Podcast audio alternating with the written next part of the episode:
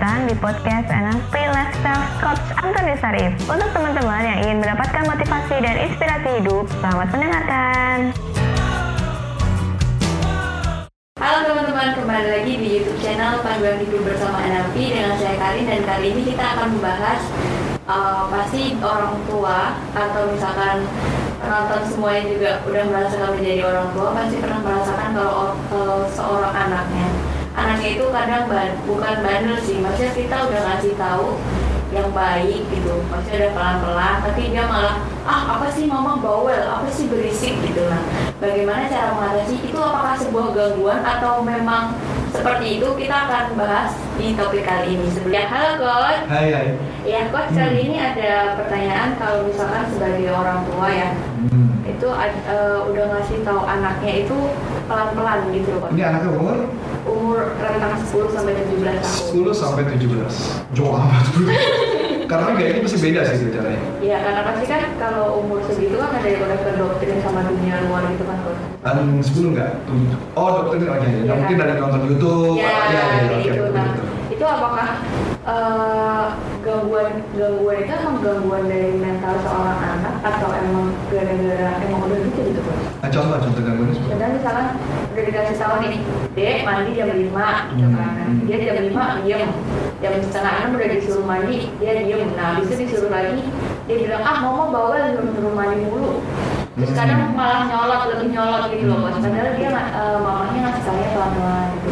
Kan kadang juga jarang seorang mama kan pelan-pelan kan itu jarang ya bos. Padahal biasanya langsung, kamu nggak mandi gini Nah itu udah pelan-pelan.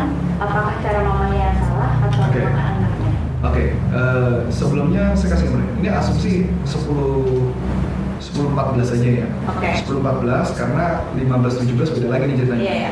10 14. Yang pertama adalah sebenarnya anak sebenarnya bukan karena YouTube. Bukan karena YouTube, bukan karena TV, bukan karena pergaulan, tapi memang anak-anak dari zaman saya masih remaja pun atau masih kecil pun kalau disuruh mandi juga susah. Itu sudah seakan-akan semua anak-anak tuh terdoktrin model itu. Nah, biasanya yang terjadi adalah karena orang tuanya langsung memberikan perintah untuk melakukan, tapi dia tidak ada persetujuan. Jadi misal, Dek, mandi ya, jam 5. Itu nggak jawab. Nah, kalau dia nggak jawab, berarti programnya masuk apa enggak? Enggak. Nggak masuk. Walaupun nggak akan didengar. Dek, nanti mandi ya jam 5. Nah, itu belum masuk. Karena masuk, kalau masuk biasanya makanya di dalam kita sadar kalau kayak contoh, misalkan kalau kalian pernah nonton film, bukan nonton film, kayak eh, hipnosis, orang hipnosis, jebret ya, tidur, pada yang ketiga, sebentar lagi ada pada saat membuka mata ada hilangkan, eh sorry, ada lupa nama anda. Misalkan kayak gitu ya, satu dua tiga tidur. Pada itu kan ketiga, pada saat nanti anda membuka mata anda, anda akan melupakan nama anda. Satu, dua dan tiga, anda lupa nama anda. Jika anda paham, anggukan kepala anda. Kalau nggak dianggukan, kemungkinan namanya tidak hilang. Jadi mesti dikonfirm dulu. Jika ada setuju, anggukan kepala Anda. Oke, satu, dua, tiga, buka mata. Nama Anda sekarang, nama siapa namanya? Nah, itu bisa hilang. Tapi kalau seandainya tidak diprogram di awal atau tidak ada penganggukan kepala, kemungkinan keberhasilannya 50-50. Sampai oke? Dapat? Iya. ya. Berarti harus ada persetujuan dengan pikiran bawah sadar. Nah, dalam NLP, salah satu cara adalah menggunakan rumus atau. Menggunakan rumus atau. Jadi misalkan kayak gini. Dek, dek, ade nanti mau mandi jam, eh, ade mau mandi nanti jam 5 atau jam 6. Contoh, ade mau mandi sekarang atau mandi pas selesai film? Atau nanti anaknya akan ngomong abis film itu sudah persetujuan oke ya deh nanti abis film ya itu udah program. Itu ya jadi pakai rumus itu. Jadi kalau dengan rumus itu baru dia akan mandi satu. Yang kedua kebanyakan seorang anak sekarang itu lebih bukan seorang anak. Sebenarnya dulu sih. Cuman bedanya kalau dulu kalau kita ngomong sama orang tua kita balas di orang tua akan marah. Kalau sekarang enggak. Jadi anak-anak sekarang tuh modelnya mesti diberikan alasan. Kenapa saya harus mandi jam 6 kenapa? Kok bisa mandi jam 7 kan bisa mandi jam 9 nggak mandi juga nggak apa-apa nah bisa nggak orang tua memberikan alasan yang masuk akal misal contoh ini kejadian ini kejadian ketika saya melakukan coaching atau konseling kepada seorang anak gitu ya. Jadi ada seorang anak ayah yang bermasalah uang anak itu kacau kacau.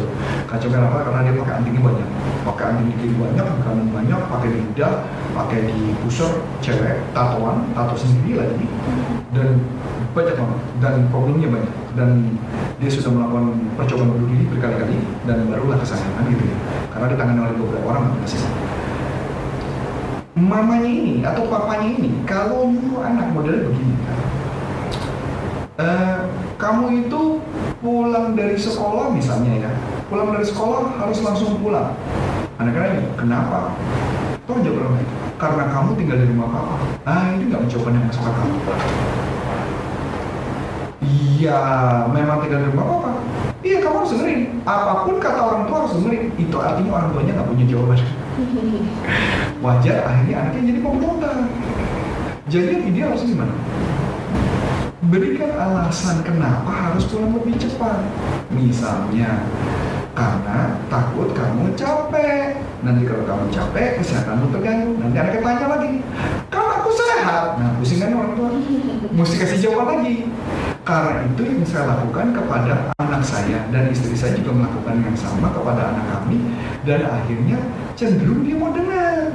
Contoh, yang paling susah di anak saya dulu adalah gosok gigi. Itu susah ya. Nah, yang saya lakukan adalah saya memberikan konsekuensi yang bakal terjadi pada hidupnya dia. Bukan karena saya bapaknya, lo harus dengerin gua. Nggak gitu. Jadi konsekuensi apa yang bakal terjadi kalau dia tidak gosok gigi dan awal-awalnya juga sulit. Dan ngakalin dek apalagi ke semua dek kamu nanti sekali dia selesai selesai ini. Dia jawab tuh pintar banget. Dia tidak menjawab. Artinya sama dengan hipnosis tadi tidak ngangguk dan nggak mau jawab dikejar kejar kejar kejar dia nggak mau ngangguk. Sampai ngomong dek nanti sekali gigi iya. Baru dah iya. Masih gue jadi semua hal itu perlu konfirmasi. Yang kebetulan anak saya itu bahasa cintanya adalah sentuhan.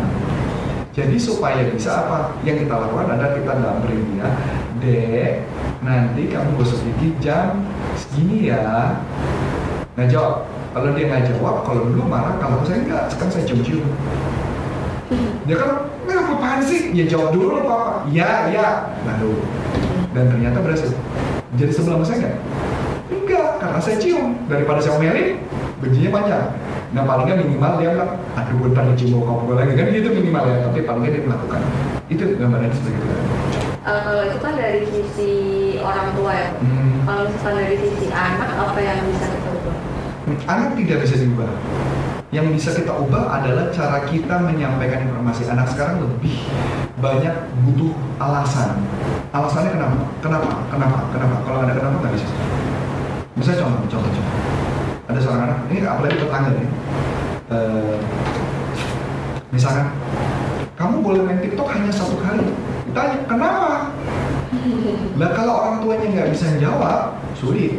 Karena kuncinya adalah kenapa. Sama kayak saya anak saya itu kalau belajar tuh tiduran apalagi sekarang belajar di rumah kan? Itu belajar tiduran itu. Bisa laptopnya di belakang dia kepalanya dia itu doang gini dan ketika saya bilang Jen kalau belajar duduk. Kenapa? Karena ketika kamu duduk kalau kamu tiduran kamu tidak akan bisa men, apa, mendapatkan informasi dengan lebih baik. Enggak aku masih dengar. Betul kamu bisa dengar. Tapi coba sekarang bedanya. Coba kamu duduk dengerin papa bahas beda ternyata beda loh Nah kayak contoh kemarin, ini sempat dihasilkan itu contoh. Kemarin dia belajar tentang. Diagram Venn terus gue udah lupa, gue udah lupa udah lama. Dan ketika saya lihat itu, saya buka lagi buku saya, saya buka bukunya dia, saya pelajari, saya baru paham tentang diagram Venn. Jadi ada istilah yang A kayak U, B atau A U-nya kembali yeah. B, A minus B atau A minus B ada apa namanya angka satu. Apa tuh? Pangkat atau pokoknya angka satu di atasnya kayak gitu. Apa itu angka satu? Apa cetakan satu? Saya nggak paham. Tapi ketika saya jelasin itu nggak masuk di kepala. Kenapa nggak masuk? Dan dia duduknya mas masa dan dia nggak ngerti sama sekali. Dan gurunya edan nggak tahu bener apa enggak. Katanya gurunya nggak ngajarin. Pokoknya kasih tugas bete banget kan itu saya bilang udah bayar kemudian apa yang saya lakukan? Saya melakukan dengan cara berbeda. Saya ambil kertas kemudian saya gambar. Dia suka manga dia suka anime. Yang saya lakukan adalah memainkan anime. Jadi saya buat diagram pen saya bikin bulatan dua saya tanya kamu kan suka anime? Aku tulis Jenis JN temenmu siapa namanya yang suka anime disebutin nama-namanya jadi ada dua nama lain nah temenmu yang deket sama kamu siapa ada yang disebut Carly Carly itu suka apa nggak suka anime sukanya apa K-pop. Nah, dia suka K-pop. Ditulis sama aku K-pop kan. Terus aku tanya, ada satu temennya dia uh, yang suka anime tapi suka K-pop. Ada satu cowok, oh, salah aku bikin gambar ulang. Jadi gitu loh gue gambar ulang. Jadi masukin di potongan itu gue masukin. Nah setelah aku masukin, aku tanya, ada lagi nggak teman kamu yang tidak suka anime, tidak suka uh, K-pop? tapi sukanya ada namanya siapa? Disebutin satu nama. Tapi sukanya apa aku lupa saya lupa suka apa. Saya tulis di bawahnya. Nah dari kejelasan itu saya kemudian melakukan pengajaran dengan cara itu kali jadi saya bilang kalau A U B itu artinya ini sama ini jadi satu. Sebutin namanya siapa aja disebutin namanya. Oh dia malah duduknya malah tegak tuh kali nah kemudian saya tanya kalau pama A A garis uh, minus B berarti ininya aja yang A-nya saja yang anime anime dijawab dan dia ngerti langsung Nah, kenapa saya bilang? Saya hanya mengajarkan berdasarkan kesukaan dia. Kalau saya paksa mengenai masuk ini adalah angka, itu kepalanya nggak masuk. Karena ngajarin kan biasanya bulatan, dan terusnya apa? Angka 1, 2, 3, 4, 5, 6, kan gitu ya? Iya. Itu yang membuat orang bingung. Jangan angka. Nah, jadi saya coba jelasin tujuannya ini apa? Tujuannya adalah supaya kamu bisa tahu teman-temanmu tuh sukanya hobinya apa, dibagi berdasarkan klasifikasi. Dia iya ya masuk akal. Berarti Pak Romo siapa? Kenapa saya harus belajar ini? Kalau nggak ada jawaban nggak bisa. Gitu kan? Ya, berarti uh, untuk orang tua orang tua di luar sana kuncinya adalah dirinya sendiri untuk memahami anaknya, Coach. Dan mengetahui kenapa dia harus melakukan itu. Oke, okay, Coach. Uh, menurut aku sih kali ini cukup, Coach, Hmm. untuk pembahasan khususnya untuk orang tua untuk memahami anaknya lagi. Hmm. Jadi misalkan untuk orang tua yang masih bingung apakah ada problem-problem ke anak, nah Hmm. itu bisa dituliskan di kolom komentar ya. Dan jangan lupa like, komen, dan subscribe. Dengan saya Karin. Dan saya Coach Anton Sarif dari NLP Leaders Indonesia dan pelatihan motivasi.id. Sampai jumpa. Bye-bye. Nah, untuk teman-teman yang sudah menerangkan, terima kasih ya dan nantikan podcast selanjutnya.